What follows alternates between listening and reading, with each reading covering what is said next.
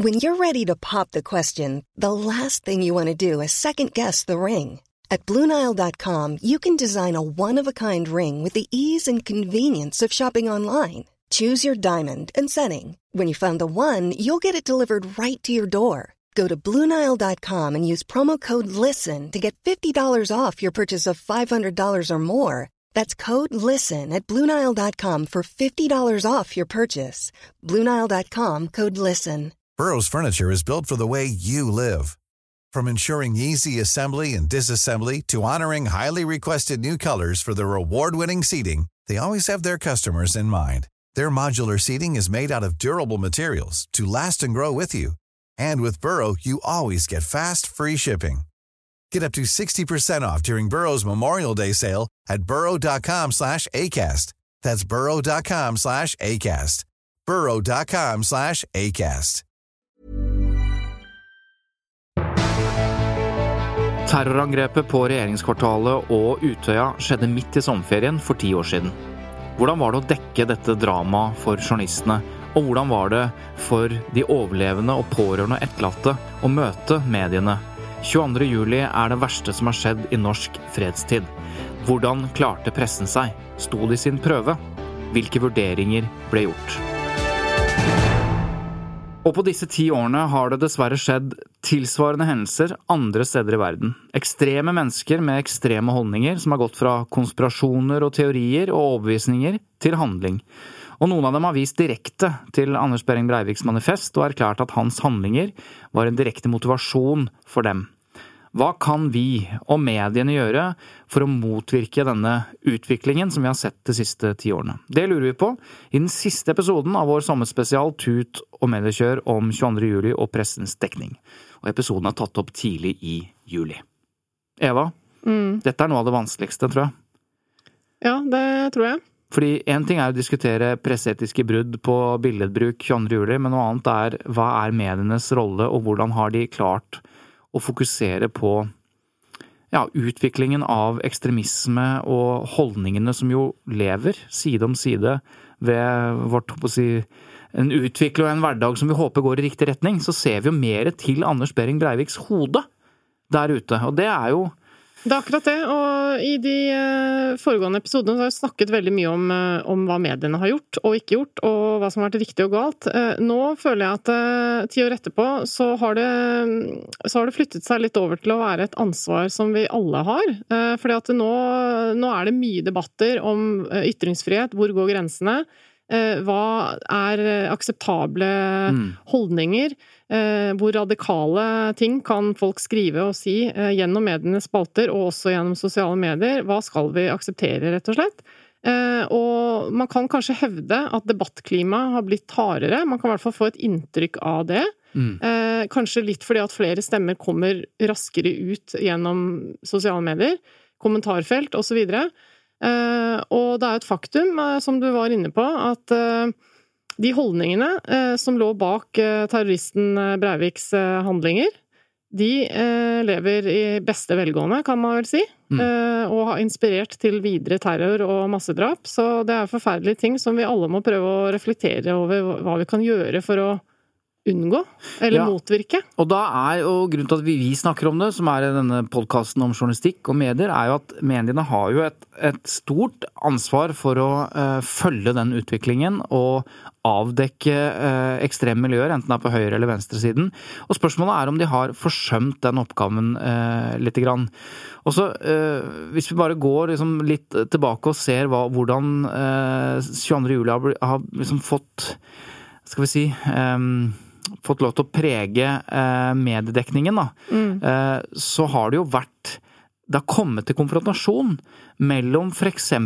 de i, i Arbeiderpartiet og AUF som mener at høyresiden bør ta på sett og vis et større ansvar, eller i hvert fall har det oppstått store konflikter når f.eks.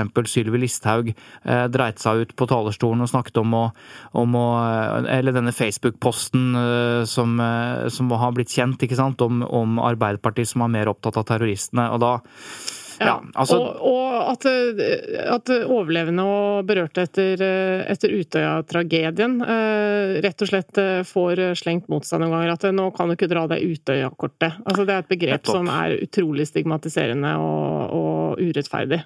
Og, det, eh, og, denne debatten her om, eh, om, hva dette angrepet egentlig var, eh, at det kom fra et sted og ikke bare fra en gal manns perspektiv. Jeg leste en veldig interessant artikkel i Morgenbladet der man bare konkluderer med at dere må slutte å snakke om enten en gal mann eller høyreekstrem ideologi. Mm. For det man ser, er at dette, dette, er to sider av samme sak. Altså Man kan godt kalle det galt, ravende galt, men samtidig så er det en sammenheng mellom galskapen og ideologien.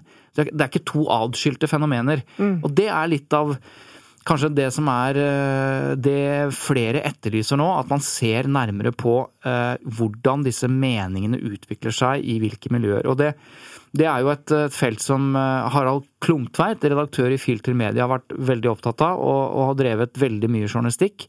Litt sånn i et tomrom, på sett og vis. Mm. Um, som, er, som blir ekstremt viktig framover, tror jeg. Ja, for Filter nyheter har hatt mange artikler, og hvis man leser dem, så forstår man jo at, eh, at det fortsatt foregår eh, radikalisering av unge folk inn i nazistmiljøet osv., og, så og mye av dette foregår jo utenfor pressens spalter. Eh, men det mediene kan gjøre, er selvfølgelig å, å løfte dette ut i lyset. Eh, sånn at disse holdningene og meningene kommer frem og kan bli motsagt. Mm. Det er jo liksom litt av poenget her. Jeg, jeg har lyst til å starte liksom, første klippet fra, i denne episoden med eh, en som vi snakket med i episode tre, Trond Blattmann. Eh, fordi de som var involvert Han mistet jo eh, et barn eh, i, på Utøya, og han var eh, talsperson for støttegruppen. Mm. Eh, eh, eller ja, denne gruppen etter, eh, etter 22. juli. og han, med flere, etterlyser liksom hvor, hvor ble debatten av? Mm. Ja, det som jeg syns er skuffende, er at media ikke har tatt på seg et ansvar for å føre debatten om terror og høyreekstremisme og holde den debatten levende. Det syns jeg er skuffende. Eh, vår fjerde statsmakt, eh, som de ynder å kalle seg, eh, de diskuterer gjerne 22.07 en måned før og to dager etter, og resten av året så er det glemt. Og jeg tenker at vi har vært igjennom den verste terrorhendelsen på norsk jord siden andre verdenskrig, og, og en av de verste terrorhendelsene i Europa, som var retta mot et helt bestemt mål. Eh, altså politisk mål. Først var det regjeringa, og så var det en ungdomsorganisasjon, AUF. Og eh, jeg syns det, det, er en unnlatelsessynd at ikke media har tatt opp eh, debatten og holdt den levende. Og dette kommer jo fra en som, eh, som er opptatt av at denne historien må leve videre. Mm.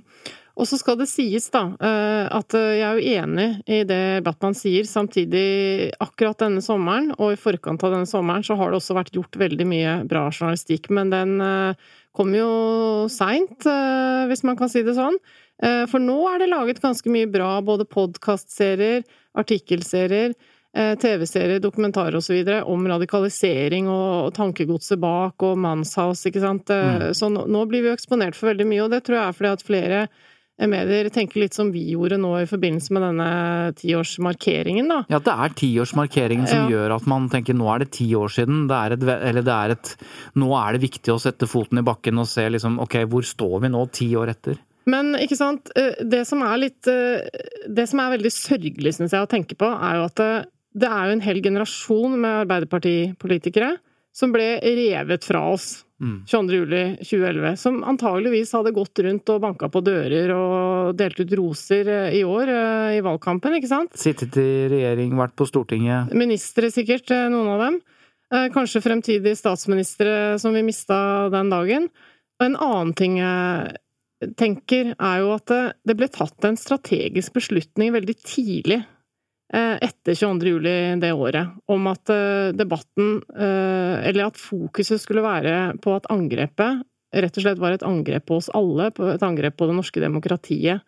Og det har kanskje også prega litt det faktum at man liksom glemte eller forskjønte litt det fokuset på, på, det faktum at det var et angrep mot Arbeiderpartiet, da.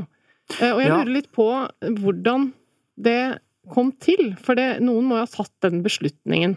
Det var et valg som jo Jens Stoltenberg eh, og hans rådgivere og apparatet tok. Og den kan man forstå. og Jeg har snakket om det i noen tidligere episoder. Men eh, For det handlet jo om at man skulle stå sammen. Mm. Eh, man måtte sørge for Tenkningen var sånn at man måtte sørge for at, man, at hele landet svarte på og sto sammen mot dette angrepet.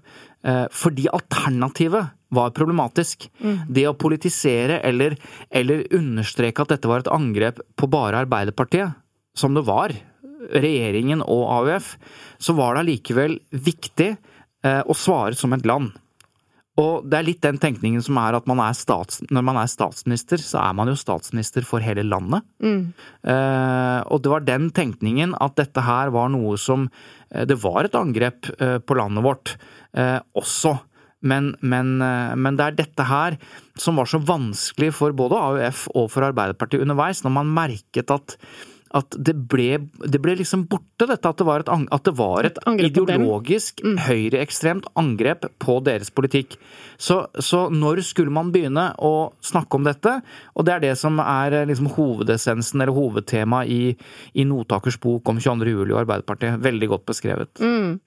Eskil Pedersen var jo på Sundvolden etter at han kom seg i sikkerhet, eh, sammen med de andre overlevende. Eh, og vi husker alle det sterke bildet som du nevnte av Jens når han ankommer eh, Sundvolden hotell eh, og gir en klem til Eskil, som vi har sett i avisspaltene mange ganger. Sterkt preget. Jeg spurte Eskil hva han tenker om akkurat det budskapet som da så tidlig ble bestemt om å omtale dette som et angrep på det norske demokratiet. Jeg tenker, ti år etter at det vi gjorde den gangen var riktig, at hvis Eh, vi skulle på en måte splitte eh, befolkningen eh, i to fra, fra starten. Det ville blitt veldig krevende, tror jeg, for oss som var berørt. Det er en ganske stor verdi i et lite land som Norge når en, en, sånn katastrofe treffer oss, at vi faktisk kan stå sammen. Og for eh, meg og for jeg tror de aller fleste overlevende så Eh, så, så, var det mye av det som skjedde i dagene etter 22. juli, var veldig, eh, også veldig fint. Eh, vi, vi, opplevde en støtte og en omsorg fra, fra, hele landet. Og jeg tror det var mye av det som fikk oss til å stå opp om morgenen. At vi ikke hadde klart å stå opp om morgenen hvis det bare var hat eh, i samfunnet, men at vi faktisk eh, opplevde eh, omsorg og kjærlighet. Så jeg mener det var rett. Eh, og jeg mener vi lyktes med mye etter 22. juli, men eh, at vi ti år etter, at ikke alle Um, har en sånn felles um, En kollektiv hukommelse av hva som skjedde. At noen mener at det bare var et angrep på Norge eller demokratiet og, uh, osv. Og, og, og glemmer at det faktisk var et målrettet angrep på AUF og Arbeiderpartiet. Gjerningsmannen forsøkte ikke å angripe Norge, han forsøkte å angripe arbeiderbevegelsen. Um, og det er det veldig viktig at vi, vi, vi utvikler eh, en felles, eh, en kollektiv hukommelse rundt dette. Så hva, ja, så hva, er medienes rolle i dette, da? Det spurte jeg også Eskil Pedersen om. Hva han mener at mediene kan gjøre for å rette opp dette nå. Altså jeg opplever jo nå at eh, mediene i større grad ved denne tiårsmarkeringen er opptatt av dette perspektivet. Fordi at dette har vært noe som har eh, skapt mye frustrasjon blant oss som, som overlevde i, i, årene som fulgte. At det har blitt omtalt som en naturkatastrofe, nærmest. Eller at, eh, at regjeringsmedlemmer kan si at terroren Når det skjedde terrorangrep i utlandet, terroren nærmer seg Norge. Som om ikke vi har opplevd terror her. Og, og at mediene da ikke har ettergått det eller stilt de kritiske spørsmålene. Så mediene kan i hvert fall legge til rette for at vi får opp denne debatten. Ta den på alvor. Eh, dekke den på ulike måter. Eh, sånn at vi bidrar til, eh, til en, en, en kollektiv hukommelse av det. AUF sto veldig alene i årene som gikk etter 22. juli om å ville snakke om Mother's Day is around the corner. Find the perfect gift for the mom in your life with a stunning piece of jewelry from Blue Nile. From timeless pearls to dazzling gemstones, Blue Nile has something she'll adore. Need it fast? Most items can ship overnight. Plus, enjoy guaranteed free shipping and returns. Don't miss our special Mother's Day deals. Save big on the season's most beautiful trends. For a limited time, get up to 50% off by going to BlueNile.com. That's BlueNile.com. Hiring for your small business? If you're not looking for professionals on LinkedIn, you're looking in the wrong place. That's like looking for your car keys in a fish tank. LinkedIn helps you hire professionals you can't find anywhere else, even those who aren't actively searching for a new job but might be open to the perfect role. In a given month, over 70% of LinkedIn users don't even visit other leading job sites. So start looking in the right place. With LinkedIn, you can hire professionals like a professional. Post your free job on linkedin.com slash people today. Holdningene bak angrepet. Um, vi, vi, I mediene dekket mye om beredskap og rettssak og handlingene. Uh, det tok vi et oppgjør med. Men, holdningene, uh, det var aldri en, en, debatt det var lett å få opp. Um, og så er det nye generasjoner AUF-ere, men heldigvis også flere i de andre politiske partiene som nå begynner å snakke om det. Og jeg opplever at, at mediene har gitt plass til den debatten uh, det siste året. Um, men vi har nok en lang vei å gå. Det er klart at det er veldig lett å snakke om eh, det er lett også for journalistene å skrive om manglende beredskap, manglende politihelikoptre, den type ting. Dette er jo en mye vanskeligere eh, ting å adressere. Eh, de politiske motivene bak, eh, bak, et terrorangrep. Eh, og det er nok også derfor så få har ført denne debatten. Men jeg opplever i mye større grad nå at det er rom for det. Ja, Eskil Pedersen øh, mener at dette her er forsømt, øh, men at det er øh, ørens lyd for den type fokus i, i mediene nå. Og da må man gjøre den, den harde, tunge gravjobben og få avdekket hvor er det disse holdningene sitter i mm. dag. Mm. Sitter de bare i, i noen mørke kjellerstuer uh, uten at det er spesielt farlig? Altså, fordi vi, vi, vi, er jo et samfunn som uh, vil hegne om ytringsfriheten. Så det å ta vekk disse ytringene Mm. Uh, altså Én ting er oppfordring til drap og vold og alt dette her, men å ta vekk høyreekstreme ytringer og mene at noen fortjener uh, Eller da begynner vi å nærme oss i grenseland, da, hvis man sier at noen fortjener å dø, men, men det er et eller annet med at vi kan jo ikke ta vekk ytringene Nei. nødvendigvis. Men vi må, vi må jo fokusere på hvor hvor farlig er, eh, er de menneskene som kommer med disse holdningene og ytringene? Mm. I tillegg til selvfølgelig det problemet det er å bli utsatt for det, da, som overlevende eh, fra Utøya. Altså det at man nærmest fortjente å, dø, og alt det, det, det hatet mot AUF og Arbeiderpartiet som fortsatt er levende i dag. Og en ting som er litt spesielt, er jo at uh, selv om Breivik, terroristen, drepte uh, masse mennesker, Eh, så skrev han jo også en tekst, ikke sant? Mm. Eh, og den er vanskelig å se eh, isolert, da. Fordi at han hadde da begått en forferdelig drapshandling. Mm. Eller mange. 70 Hvor mange var det? 77? Men Spørsmålet er jo eh, om det faktum at han skrev det han skrev, hvis man ser bort fra de konkrete handlingene, er det innafor ytringsfriheten? Jeg var jo på Utøya eh, samtidig som Kjersti Løken Stavrum eh, var der. Og, som er leder av Ytringsfrihetskommisjonen? Mm, hun mm. var der i forbindelse med en befaring eh, hvor de skal ha et møte der i denne kommisjonen. Eh, og da snakket vi litt om det. Altså, kommisjonen står jo midt i mange komplekse problemstillinger, og alt rundt 22. juli eh, er jo relevant når det kommer til ytringsfrihet. Både dette at angrepet på Utøya, de som var på Utøya, kan jo også sies å være et angrep på den friheten de utøvde til å ytre seg. Eh, og så er det jo spørsmålet om hvordan skal man håndtere eh, ulike synspunkter i etterkant av, av eh, massedrapene her. Og det, det, angår jo da særlig eh, radikale, høyreradikale ytringer og, og vårt eget ytringsrom. Han som skøyt og drepte 77 barn og ungdommer og noen voksne, han skrev også en tekst som man kan kalle en ytring. Hadde han rett i det? Det hadde han jo. Manifestet til Anders Behring Breivik, det ble vi jo kjent med først etter hendelsen. Og han har jo også fortsatt å skrive. Jeg har jo vært generalsekretær i Norsk Presseforbund og mottok jo flere brev fra han mens jeg satt der. Eh, og, eh, og, også kommisjonen har mottatt eh, et brev. Det er jo mange i Norge som har mottatt brev fra Anders Behring Breivik, som, som, har valgt å ikke snakke om det i de årene som har vært.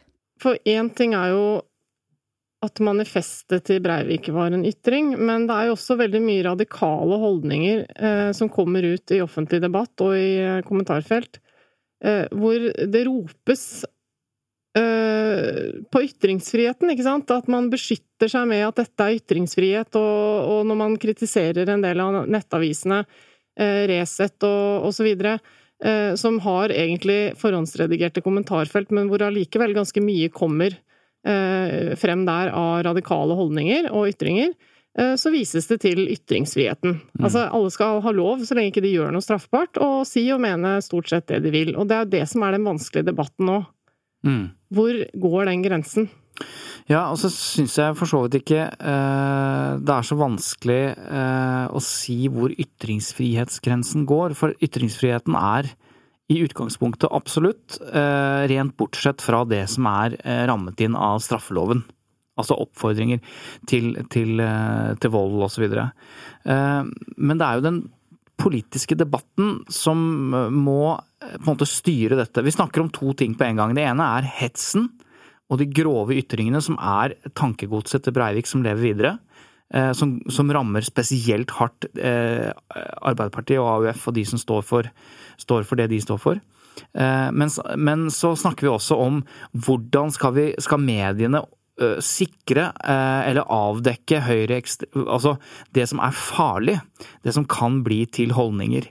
Og det er her jeg tenker at vi, eh, vi roter oss litt bort, da. Eh, når vi snakker om ytringsfrihet og ytringsansvar på den ene siden, eh, og det som er potensielt svært farlige holdninger. For det vi, jeg mener vi har glemt, nettopp å plassere Breivik i en ufarlig galskap, eller i hvert fall en galskapskategori, selv om han ikke ble dømt til tvungen psykisk helsevern, så er det likevel at man det er den der lone wolf eh, om at vi, vi, kan ikke vite hvem som på en måte våkner til liv og begår denne type handlinger. Nei. Vi er på sett og vis eh, Vi må bare bedre beredskapen, på en måte. Vi må få et helikopter, og så må vi få bedre politi osv. Mm. for å håndtere det hvis det kommer. Mm. Men, men, er det virkelig sånn? At vi må vente på at det kommer en, en gærning til med de samme holdningene? Eller må vi fokusere på de miljøene, konspirasjonsteoretikerne og de som på en måte er med på å rekruttere ungdom, som er med på eh, å spre dette her i liksom dette, dette de mørke delen av internett. Og der er jeg Det er litt sånn som jeg mener med alt, da. Forebygging er tross alt bedre enn å prøve å, å reparere skaden eller å unngå, uh, unngå, skuddene, på en måte. Vi må jo mm. gå inn på et tidligere tidspunkt og avdekke hvordan dette får lov til å, å leve, da. Ja, og det, det, er det som er så vanskelig, ikke sant. For at eh, alt dette her handler jo ikke om mediene. Veldig mye av det foregår jo på gamingplattformer og, og, og forum som ikke noen norske pressefolk har kontroll på. Det mediene selvfølgelig kan gjøre, er å ta opp debatten. Mm. Eh, opplyse oss om det. Altså, vi er begge småbarnsforeldre mm. eh, med unger som sitter hjemme foran eh, dataskjermen. Og når vi, når vi har eh, sett og hørt hvordan noen av disse terroristene har blitt radikalisert gjennom plattformer som våre egne unger er på, ikke sant? Discord osv., hvor de diskuterer når de sitter og spiller Fortnite osv. Mm. Ehm, så er det en sånn uh, måte å snakke på uh, som, som, det er vanskelig for ganske unge folk å skille. Da. Hva er fleip, hva er kødd? Når de bruker ord og uttrykk, de kaller hverandre jøde, de bruker nazistiske uttrykk uten nødvendigvis alltid å vite hva de driver med. Ja, og, og så er det vanskelig å skille hva som er tull, og hva som er ment ordentlig. Og så er det også de samme stedene og forumene som brukes til å rekruttere veldig unge folk inn i radikale miljøer, mm. som faktisk har en hensikt om å lage en uh, krig, sånn som noen av disse terroristene egentlig har hatt. Uh... Nettopp. Og dette helt uklare skillene mellom, eh, altså, mellom fiksjon og virkelighet. Altså, det, det, er et utdrag fra, fra PSTs nasjonale trusselvurdering for 2021 som jeg dette, dette var jo hele dette gaming-universet som jo mine mine barn er en del av. Mm. Forhåpentligvis på den gode siden. Men der skriver jo PST i sin trusselvurdering at Ekstremisme forkledd som humor bidrar til å ufarliggjøre ekstremistisk propaganda, og slik utviskes skillet mellom det virtuelle og det virkelige liv, noe som kan bidra til å senke voldsterskelen, skriver de, og så sier de videre. Selv om mange som deltar på slike fora gjør det primært av sosiale årsaker, kan retorikken og budskapet føre til at enkelte radikaliseres og inspireres til å begå terror. Og det, er, og det, er, dette som er så viktig, og det er der Filternyheter har vært så gode. og De har jo avslørt uh, hvordan uh, Lysglimt uh, Hva heter han? Idioten? Hans Jørgen Lysglimt Johansen i denne alliansen, ikke sant? Som jo, som jo har, vært, har, har, tappet inn på disse miljøene. Og, og, han ser ut som en hyggelig fyr, liksom, men det han mm. sier er jo f.eks. sånn som at da jeg fikk høre at Anders Behring Breivik påstod at politikere tok muslimer til Europa med vilje, trodde jeg det ikke var sant, til jeg sjekket. Ja, altså, og han er også, altså, Alliansen har også um, oppfordret unge folk gjennom disse nettforumene da, til å mm. lage sånne type utsagn i sosiale medier selv, ikke sant? sånn at det skal sånne bli en og, ja. ja. Og det er dette her da som burde Og dette har jo levd mm. godt siden 2011. Mm. Det er bare at eh, jeg syns det er rart at vi hører om det nå. Jeg syns det er rart at vi ikke har gravd mer i hvordan disse, disse, disse holdningene og det, hvordan dette spres, da. Men du, jeg har snakket med Ina Libak. Hun var på Utøya i 2011, eh, da som fylkessekretær, og ble skutt fire ganger av Breivik. Ja, hun var jo seinere AUF-leder. Mm. Nå jobber hun eh, som sosionom i rusomsorgen, faktisk. Jeg hørte henne eh, i vinter da hun snakka veldig overbevisende på Lindmo om hvorfor vi må fortsette å snakke om, om terroren nå, ti år etterpå. La oss høre hva hun har å si om hvorfor det er så viktig å ikke glemme, eh, og hva det er viktig å huske. Jeg tenker at det som ble gjort etterpå var viktig, fordi det er jo en hendelse som alle vi i Norge er sammen om. Og jeg syns egentlig det fellesskapet i at eh, alle husker egentlig hvor de var den dagen, og at vi er sammen i det, da. Jeg syns det er noe fint, og noe av det fine med Norge, egentlig. Men så tenker jeg at vi har brukt litt lang tid, nå har det gått ti år, og at det egentlig har blekna litt etter hvert. da. Eh, kanskje egentlig hva som egentlig skjedde. At eh, jeg hører at man snakker oftere om at det var en hendelse eller en tragedie, ja, eller et angrep på demokratiet, uten at man sier setning nummer to, da, som er at det også var et målretta angrep mot AUF og mot Arbeiderpartiet. Eh, og Det mener jeg blir litt sånn historieomskriving. For det var jo det, det var ikke tilfeldig at jeg ble skutt, eller at de som ble drept, ble drept. De ble jo drept fordi de var på AUF sin sommerleir. Og jeg tror vi har brukt for lang tid på det. og at nå er i hvert fall tiden inne ti år etter til å si veldig tydelig at det var det det var. Det var høyreekstremt tankegods som lå bak, og det var ikke tilfeldig. Det var ikke en naturkatastrofe. Eh, det var det tankegodset som gjorde at, eh, at vi ble ramma, og at eh, AUF og Arbeiderpartiet ble ramma. Jeg spurte henne også hvem hun mener har ansvaret i den debatten her. Jeg syns egentlig det har vært viktig at flere deltar i debatten om, om Chanduli og hvordan vi skal hindre at det skal skje igjen. For lenge så syntes jeg at vi i AUF var litt aleine om det ansvaret. At det var vi som skulle huske og Hvis det var noen spørsmål om hvordan ting skulle være, eller hvordan, ja, hvordan man skulle bekjempe at det skulle skje igjen, så var det liksom vi som skulle sitte ved svarene, vi som var blitt angrepet. da. Eh, og jeg mener ikke det er bare vårt ansvar, jeg mener at det er et ansvar alle i Norge har, fordi det skjedde eh, i landet vårt. Og, og jeg mener at ja, det er noe vi bærer sammen. da. Um, så når det gjelder stemmer som skal delta, så tenker jeg at uh, høyresiden har et ansvar. Nå er det jo de som har styrt Norge de siste årene. De har jo helt åpenbart et ansvar for å ta ansvar for sikkerheten vår og at, uh, ja, hva vi skal gjøre med de høyreekstreme holdningene som finnes i samfunnet og som potensielt kan være farlige. Uh, men jeg syns det er viktig å få flere stemmer, så jeg vil egentlig si til alle at, at nå, ti år etter, da, så er det egentlig tiden for å ha de vanskelige samtalene. Enten det er rundt bordet ditt hjemme, eller det er i lunsjen på jobben, eller det er mer sånn offentlig. Det, altså, hun sier jo at uh, vi alle har et ansvar uh, nå fremover, og det er jeg helt enig med henne i. Uh, hva tenker du nå, Svein Tore? Nå står vi foran en valgkamp til høsten. blir ja. dette en greie? Nei, jeg tror ikke det. Nei. Det er, det er, helt andre ting som står på den politiske dagsordenen. Altså, det at vi snakker om det nå, at det er tiårsmarkering osv., det vil jo prege noe av samtalen. Men den politiske debatten rundt dette her, eh, den er det ikke så lett å, å få øye på, syns jeg, da. Eh, selv om det har vært i forbindelse med boka til Notaker, og, der man har fått, uh, fått liksom dokumentert at her er det vært forsøk på å løfte denne debatten, og behovet for den debatten, at dette handlet om et ideologisk angrep.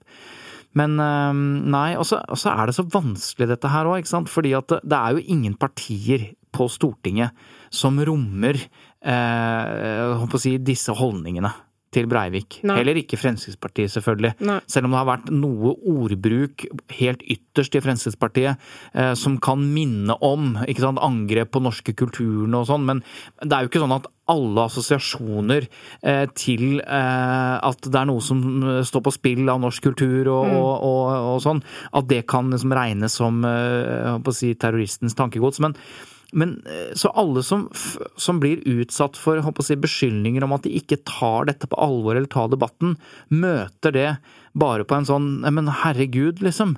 Eh, det er jo ikke, er jo ikke vårt ansvar. Er, Bering Breivik var en, en gal mann som eh, Altså så debatten stilner litt, for man, man, klarer ikke helt å gjøre dette politisk renslig, da.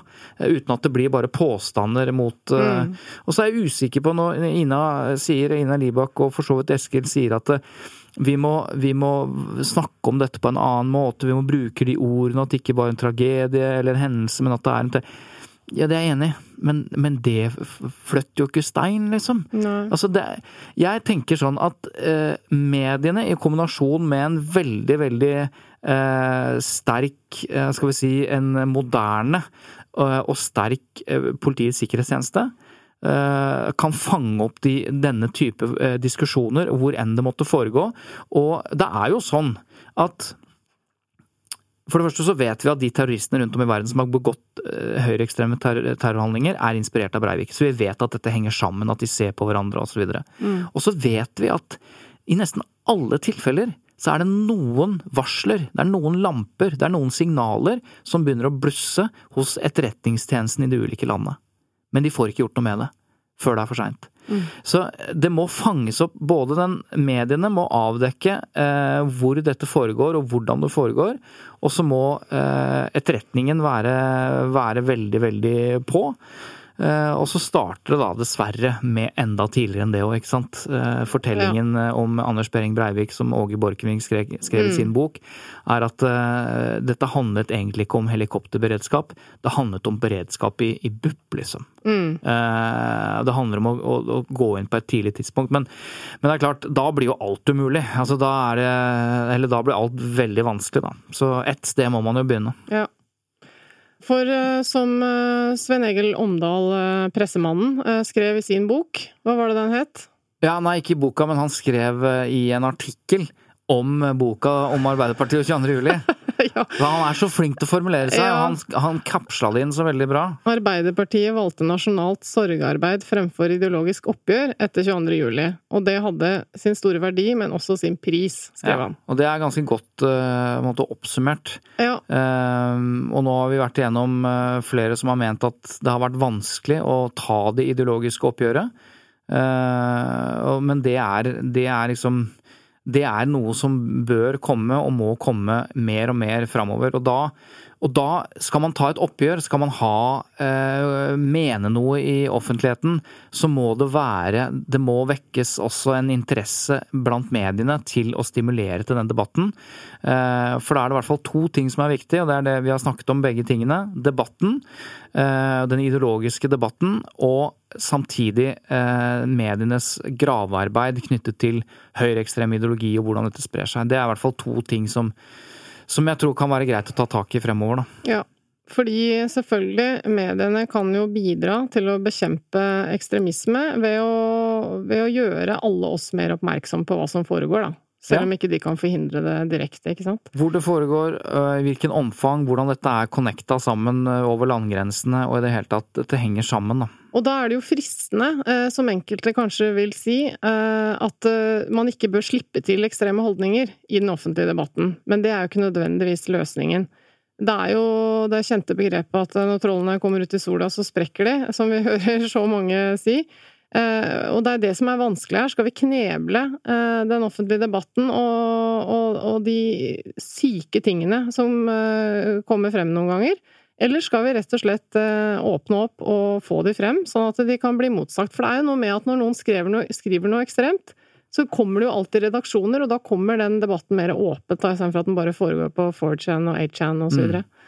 Men der er vi Da har, da har vi starta en ny spesialserie, og det handler om hele ytringsfrihet, ytringsansvar og hets, og hvem som skremmes eh, og hva Altså, det har vært en kjempedebatt nå i, i, på forsommeren om hele Ytringsfrihetskommisjonen, som jo Kjersti Løken Stavrum leder, med folk som melder seg ut osv. Har ingenting med 22. juli å gjøre, men det handler mm. litt om ytringsfrihetsdebatten.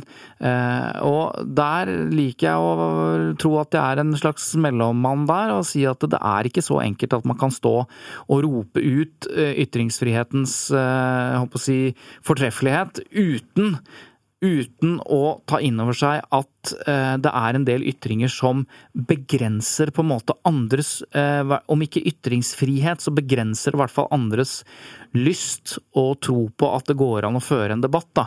Eh, men den kan ikke reguleres med regler. Den må reguleres nettopp i, en, i et godt offentlig ordskifte, hvor noen forsvarer de som blir skremt ut.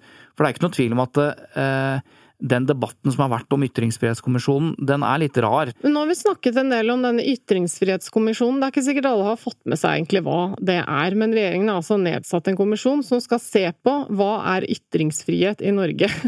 Mandatet eh, de har fått fra regjeringen er jo altså med utgangspunkt i Grunnlovens paragraf 100 skal kommisjonen utrede de sosiale, teknologiske, juridiske og økonomiske rammene for ytringsfrihet i dagens samfunn.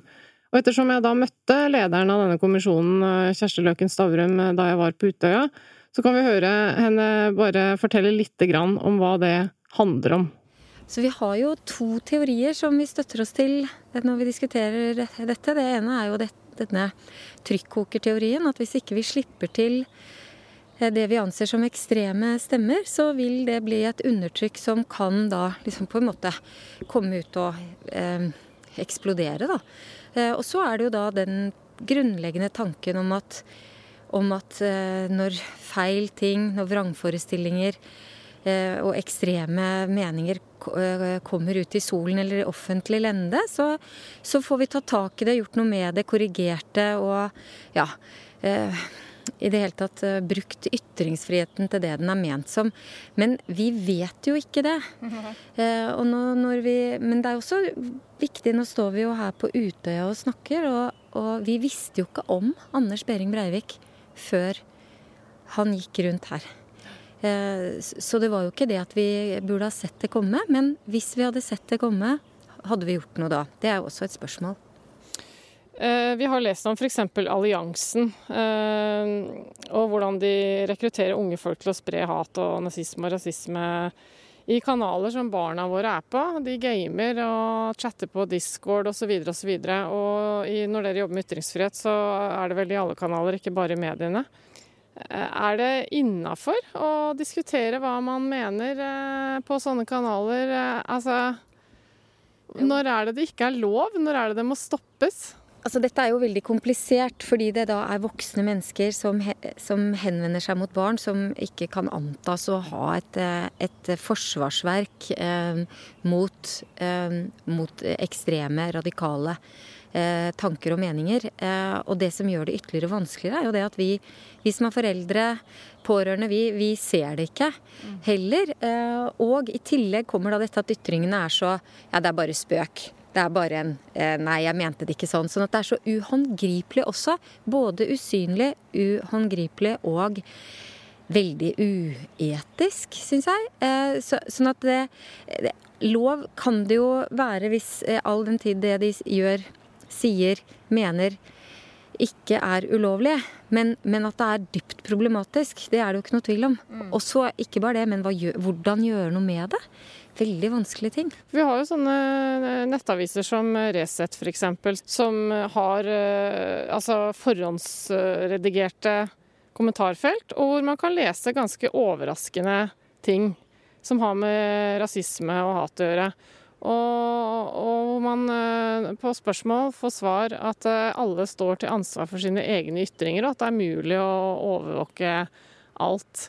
Men eh, skal mediene Altså, hvor mye skal slippes til? Det er jo det er veldig vanskelig, er det ikke det? Å finne svaret på hvor en sånn grense skal gå?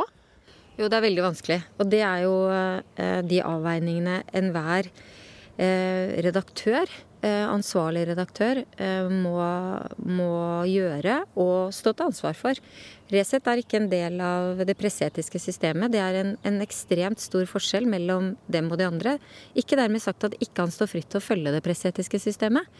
Eh, og, eh, og deri ligger hans valg. Men det er enhver redaktør sitt ansvar å bestemme hvor grensen skal gå i sitt eh, medie og i sine kommentarfelt. Men det legger jo veldig mye på redaktørene. Er de så mye flinkere enn resten av oss at de bør kunne få ha det ansvaret selv? Jeg vil jo til syvende og sist mene at det er hver og en av oss som eh, legger ut det vi legger ut, som er eh, grunnleggende ansvarlig. Og så er det selvfølgelig redaksjonen, redaktøren, som er da eh, den som er ansvarlig for redaksjonen, som, som, står til ansvar for det de viderebringer. Eh, det som gjør at redaksjonene er ganske godt rusta, er at de har daglige, vanskelige avveininger rundt hva som skal publiseres. De har en historikk, de kan det strafferettslige godt. De, eh, de store redaksjonene har jo også gode juridiske krefter eh, nær seg som, som, støtter opp under og som kan være med på å gjøre disse diskusjonene. Det som er det, som er, det, som er det vanskelige, er jo rett og slett at for en, for en redaktør så er det binært. Enten så publiserer du, eller så publiserer du ikke. Og hvis du publiserer, så kan det være problematisk og må forsvares. Men hvis du ikke publiserer, så skal det også forsvares. Eh, og det skal også forsvares i tråd med prinsippene om ytringsfrihet. Hva er det vanskeligste med ytringsfrihet? Det vanskeligste med ytringsfrihet er jo det at vi må ikke glemme at det er et fantastisk gode. Samtidig så blir vi så problemorientert når vi snakker om det. Vi blir veldig mørke. Vi, vi ser eh, utfordringer eh, overalt, og det er det jo også. Eh, så Derfor så står det i dette spennet mellom å være en fest, men også være et ork og et slit og en utfordring. og Ytringsfrihet er jo vondt også. Altså Ytringsfrihet er jo ytringer som, som, har rett til å være sjokkerende, fornærmende, forstyrrende. For å sitere fra Den europeiske menneskerettighetsdomstolen. Og, eh, og når det kommer til det, så, så, må vi alle også forsvare det. For ellers så har vi ikke noe ytringsfrihet jeg syns jo det er viktig de diskusjonene vi har rundt 22.07, eh, også fordi at det er sånn at veldig mange har ulikt forhold til 22.07. Noen har en mye større nærhet, noen har tap. Noen har sorg, noen har traumer. Eh, og derfor så kan vi ikke, vi kan ikke ha én en enhet om 22.07. Vi må forstå at det finnes mange, mange måter å diskutere 22.07 på, mange ulike behov at vi må ta vare på en bred offentlig, åpen debatt. Det fins ikke noen bedre arena for å ta det vonde, det vanskelige, det kritikkverdige og det fine. Nettopp. Så da får vi bare vente og se når Ytringsfrihetskommisjonen er ferdig med sitt arbeid, hva de konkluderer med som råd til regjeringen hva gjelder ytringsfrihetens grenser. De kommer ikke til å komme fram til noe hvis det skal være like stor debatt uh, fortsatt uh, om den ytringsfrihetskommisjonen. Den kan det godt hende at vi kommer til å snakke videre om i Tute ja. Mediekjør til høsten. Men helt til slutt. Ja, helt til slutt. For nå er det slutt, slutt. For nå, nå har vi hatt fire episoder med 22. juli. Mm. Uh, jeg tror veldig mange av oss egentlig lurer på hva vi kan gjøre selv. Vi som ikke var der og opplevde 22. juli direkte. Eh, vi som gjerne vil bidra til alt dette som vi snakker om, med, med, hvordan debatten skal føres videre, og hvordan vi skal huske de riktige tingene og omtale det på riktig måte osv.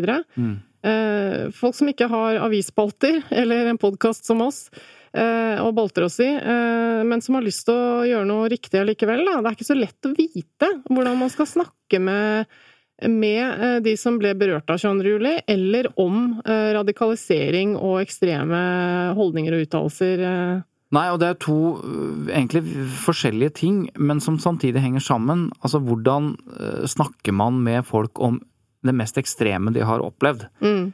Og der er jo ofte sånn at ja, spør, mm. liksom. Ja. Og jeg spurte. Ja, du spurte, ja. Jeg spurte Ina Libak som vi hørte fra i stad. Ja. Eh, om hun kunne komme med noen eh, siste refleksjoner eh, om dette. Så hun får lov til å avslutte disse fire episodene. Ina Libak er altså eh, overlevende etter Utøya. Hun ble skutt fire ganger, faktisk. Eh, og er tidligere også AUF-leder. Altså hun ble AUF-leder også seinere. Mm. Eh, og her er hennes råd, da. jeg skjønner at det kan være vanskelig å snakke om 22. juli, fordi jeg syns det er vanskelig selv, selv om jeg har opplevd det, og er jo en blant de som har den opplevelsen helt tett på kroppen min. Eh, og jeg tror egentlig alle opplever at man fomler litt med ordene og lurer på sånn Oi, sa jeg noe galt, eller sa jeg noe Men det er mye bedre at man har de samtalene og snakker om det. Og så tror jeg vi tåler at, eh, at de samtalene er litt vanskelige, og at det skulle litt fordi man er uenig om noen ting, men det er mye bedre at vi snakker om det. For oss som opplevde 22. juli, så er det jo også et en veldig personlig opplevelse. Og der har jo folk ulike grenser for hva de vil snakke om. Så jeg tenker at de samme reglene gjelder som eh, ja, rundt de som har opplevd dødsfall eller andre traumatiske ting i livet. At eh, ikke snakk om det på fylla liksom, etter noen glass, fordi da er du kvinna eller mamma opp til å gå bort og tørre å spørre om det. Eh, se på folks grenser, spør om det er greit å spørre. Altså, jeg er bare litt opptatt av at eh, den hendelsen er jo både allemannseie og den er veldig privat for veldig mange mennesker. Eh, og da kan det ikke være sånn at det at selve hendelsen av allemannseie gjør at eh, man kan få stille absolutt alle spørsmålene om opplevelsen. Det er likevel mange ting ved den opplevelsen som kan være personlig for mange. Da. Så å spørre hva som er, eh, er greit å spørre om hvor direkte spørsmål Hvis det er en ting jeg har følt, så er det jo at ja, vi har vært litt sånn eh, aleine om å snakke om det. Så jeg blir alltid veldig glad når folk spør om spørsmål sånn Hva kan jeg gjøre? Hvordan vil du at jeg skal snakke om det? Eh, er det noe jeg selv kan gjøre i mitt liv for å, for å sørge for at 22. juli aldri skjer igjen, eller noen debatter jeg kan ha som er viktig. Um, rett, rett, og slett alle de tingene som ansvarliggjør hver enkelt. Da. Det er sånne spørsmål jeg blir kjempeglad for å få. For da tenker jeg at vi er flere som ja, bærer den oppgaven sammen. Da. Det er veldig viktig å huske historien sånn som den var. Eh, å snakke om det med de ordene om hva som faktisk skjedde. Si at det var et høyreekstremt terrorangrep. Eh, hvis noen bruker ordet hendelse, så si nei, det var jo et høyreekstremt eh, terrorangrep. Ja, rett og slett være med på å sikre at den hukommelsen blir riktig. Og så Det andre er jo å ta det ned og bli konkret. at Mange ord etter 22. juli har vært sånn store. sånn Mer demokrati, mer fellesskap. Men hva betyr det egentlig? da? Og f.eks. med fellesskap så tror jeg jo det er jo en ting alle kan gjøre noe med i livene våre. Altså Hvis det er én ting vi vet, så er det jo at eh, noe av det farligste som kan skje i et samfunn, er at flere faller utenfor, ikke har jobb, ikke får bidratt, sitter alene, ikke er en del av noe, da, ikke får brukt ressursene sine. Det er veldig farlig, fordi vi mennesker er jo lagd for å være til nytte for hverandre og til å være en del av fellesskapet. Og da er det jo noe med å tenke gjennom i eget liv. Ja, hva gjør jeg selv hvis jeg ser noen som holder på å ramle helt utenfor? Og kanskje jeg merker at noen begynner å få ekstreme holdninger. Jeg vet at de henger på forumer hvor de finner sitt fellesskap. Jeg merker at holdningene deres begynner å ja, ramle litt sånn utpå. Så er det noe med sånn hva gjør jeg selv? Tar jeg selv tak i det? Sier jeg selv fra til noen? Der tror jeg egentlig vi alle har en jobb å gjøre. og Jeg skulle ønske at det var det, men det er jo ikke vanntette skott på en måte mellom å være høyreekstrem som vil ty til vold, og det med å sitte og ha noen høyreekstreme holdninger. ikke sant? Og det der med å tenke hva kan jeg selv gjøre for å bidra til at enda flere mennesker føler seg som en del av det fellesskapet vi har i samfunnet, det tror jeg er noe av det aller viktigste. Og det syns jeg skal få lov å være de siste kloke ord eh, i vår eh, sommerspesial fra Tut og Mediekjør om Utøya, om medienes dekning. Eh, vi har snakket om Ja, om de har gjort jobben sin. Ja. Snakket om første episode. Snakker vi om bilder. Og problematikken rundt uerfarne sommervikarer.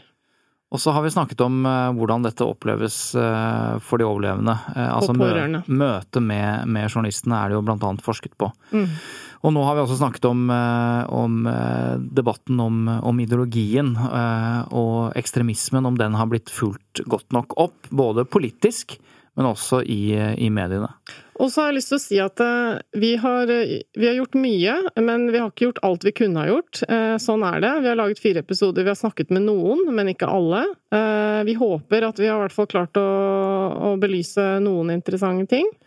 Ja, for det var jo, når man går i gang med dette her, eh, Eva, at vi skulle ha en 22. juli-serie. Og det hørtes ut som en god idé, for det er mm. viktig, det er tiårsmarkeringen. Men når vi begynte å sette oss inn i dette, så Altså, materialet eh, og menneskene, alle som har vært involvert, alle journalistene, alle Altså det er Man må jo bare velge seg ut en flik, eh, og så er det det vi har gjort, da. Det er det vi har gjort, og vi kunne ha sikkert laget eh, enormt mye podkastepisoder om dette, for det er så mange historier. Det er så mange som bør bli hørt. Men det er det jo også mange som blir eh, denne sommeren.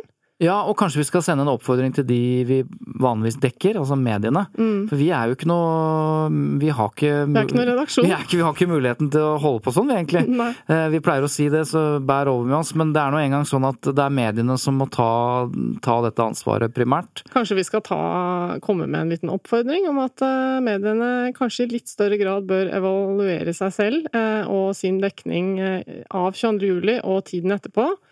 Eh, med litt større Med litt mer blikk i bakspeilet. Ja, eh, nettopp. Eh, det kan være siste avsluttende ord. Vi syns at mediene har gjort en god jobb generelt sett. Men, ikke alt har vært men det er mye å lære her. Mm. Ok, takk, Med det- til, eh, takk til deg, Eva. Tusen Som har holdt ut i hele sommer òg. Ja. Eh, Vi kommer til å poste en del ting som vi syns er relevant til dette gjennom juli på Facebook-siden vår, sånn at eh, de som blir ekstra interessert, eh, kan få noen tips om hva de kan lese mer om. nå er vi i fjerde episode, så nå er det allerede ganske seint i juli. Det er sant. Vi, vi skal avsløre at, vi, at dette er et opptak. Ja, det er det. Så hvis du hadde sagt dette i første episode, så hadde det vært mer enn nyttig. Men Da- ok. Da tar vi ut det.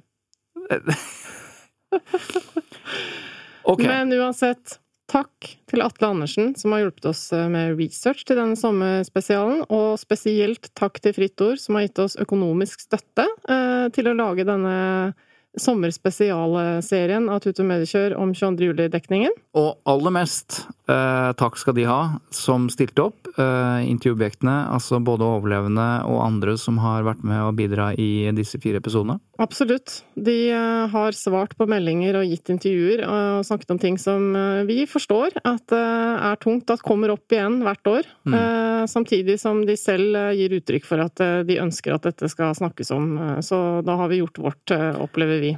Og så skal vi prøve å kanskje legge inn en liste på alle de tingene vi har eh, lest, eh, og vi kan anbefale, det være seg Tinius-rapporten eller bøkene vi har lest. Alt det som vi mener er viktig, eh, både litteratur og dokumentasjon, for å forstå litt av dette sakskomplekset, da. Noe av dette har vi jo postet gjennom sommeren, sånn at på vår Facebook-side Tut og Mediekjør så vil du da ved å gå litt bakover i tid finne mye interessant stoff om medienes dekning eh, av 22. juli. Jeg lurer på, Eva, når avslutningene, avslutningene på episodene blir såpass lange, om folk trykker på den der eh, togangeren? Jeg tror kanskje de bare skrur av.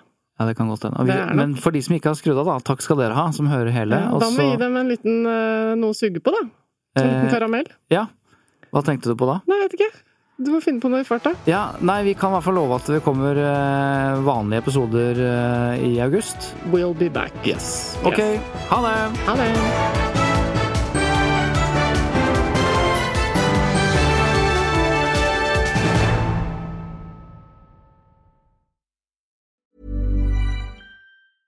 Cool fact a crocodile can't stick out its tongue. Also, you can get health insurance for a month or just under a year in some states. United Healthcare short term insurance plans, underwritten by Golden Rule Insurance Company, offer flexible, budget friendly coverage for you. Learn more at uh1.com. Hey, it's Paige DeSorbo from Giggly Squad. High quality fashion without the price tag. Say hello to Quince. I'm snagging high-end essentials like cozy cashmere sweaters, sleek leather jackets, fine jewelry, and so much more. With Quince being 50 to 80% less than similar brands. And they partner with factories that prioritize safe, ethical, and responsible manufacturing. I love that. Luxury quality within reach. Go to quince.com slash style to get free shipping and 365 day returns on your next order. Quince.com slash style.